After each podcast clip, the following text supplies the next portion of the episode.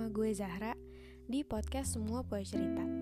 Hari ini hari Rabu, tanggal 13 Mei jam 10 lewat 24 menit. Nah, di episode kali ini gue akan ngomongin tentang capek. Iya, kita semua pasti pernah capek. Bilang capek, ngeluh capek, bahkan ngerasa capek bilang capek capek bahkan jadi sesuatu emosi tersendiri yang kadang gak jelas gimana bentuknya. Ada kalanya kita capek fisik, pegel-pegel di badan nih. Nah, kalau gue biasanya ngerasain ini kalau misalnya habis olahraga, habis jalan-jalan, bersih-bersih. Apalagi kalau misalnya gue habis latihan softball. Kaki gue nih kenceng, tangan gue sakit, mau besok ada PR, mau besok ada ulangan, bablas semuanya. Tapi biasanya capek yang kayak gini masih bisa ditoleransi. Malah kadang-kadang bikin seneng. Beda lagi kalau misalnya capek pikiran. Kalau misalnya lagi banyak tugas, ngurusin acara, pokoknya hal-hal yang meres otak deh. Mau diobatin pakai tidur juga nggak bisa. Bawaannya melek mulu, duh belum ini belum itu kerjaan gue belum kelar. Besok tugas banyak banget masih banyak yang harus dikerjain. Rasanya kayak hal-hal runyem banget nih. Tapi dari macam-macam capek capek hati adalah juaranya. Juara nggak enaknya. Rasanya badan pikiran sama hati udah gak nyambung tipe-tipe yang kayak gini nih yang ngelibatin perasaan. Gue ngerasain ini ketika berantem sama temen yang gak kelar-kelar gagal mencapai sesuatu kecewa ngecewain. Pokoknya sesuatu yang gue aja bingung gitu harus bersikap kayak gimana. Kalau udah kayak gini gak mood ngapa-ngapain. Apalagi kalau udah urusan gebetan wah nggak bisa dikontrol banget ambiarnya dan ada yang bawaannya jadi males ngomong, nangis, marah-marah, emosi ini senggol bacok, lemes, nggak ada semangat. Kalau versi gue, gue bakalan pelit ngomong, datar, tapi tetap banyak makan sih, kan nangis butuh banyak energi. Bahkan disuruh ini itu aja tuh udah oke-oke aja, ya gak sih? Udah males mikirin sesuatu, yang penting selesai terserah aja. Kalau misalnya udah paling level maksimal rasanya tuh muka udah kayak kosong gitu. Kalau misalnya dilihat kayak nggak tahu lagi mikirin apaan. Biasanya kalau udah kayak gini tidur jadi pelarian utama gue.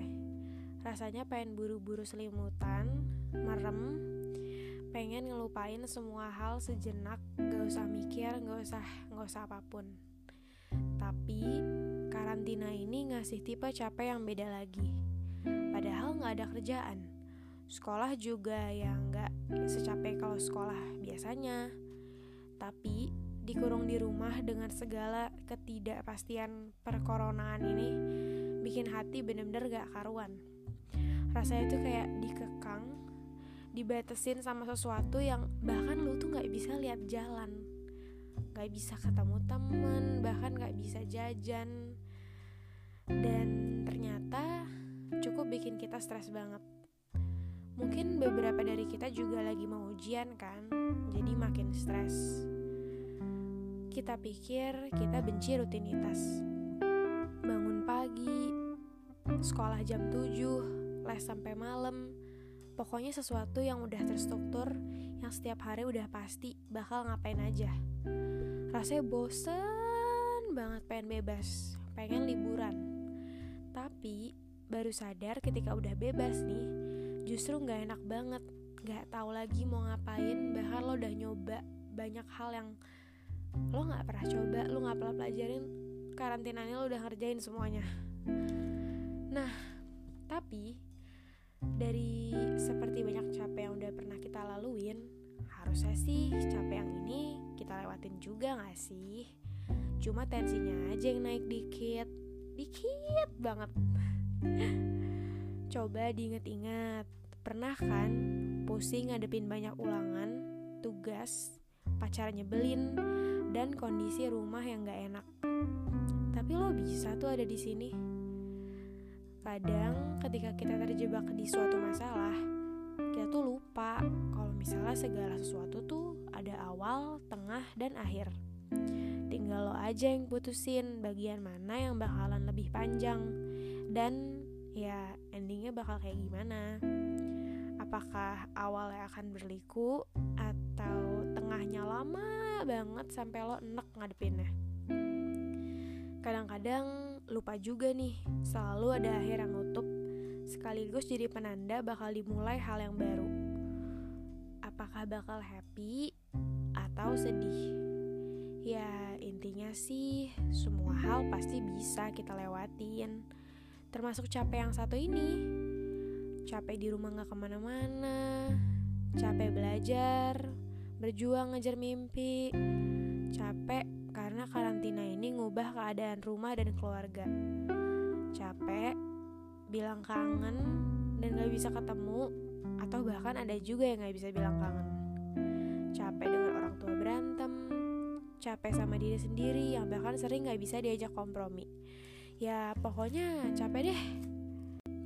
Oh iya, fun fact, capek tuh punya beberapa lawan kata. Bugar, ringan, mudah dan tabah.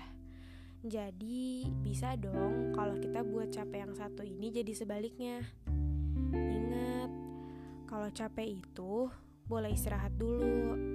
Jangan terlalu keras sama diri sendiri. Kita bisa sedikit lebih tabah dan percaya kalau misalnya ini semua tuh bakalan mudah pada waktunya. Iya sih, kedengeran klise, tapi beneran. Jadi, have a good day ya semuanya. Jangan lupa cerita ke temennya kalau misalnya capek. Kesian tuh bebannya dipikul sendirian terus. Mungkin minggu-minggu ke depan bakalan sulit. Lebih sulit atau gak sesulit hari ini. Tapi kita udah berhasil ngelewatin hari-hari berat kemarin kan? Hebat.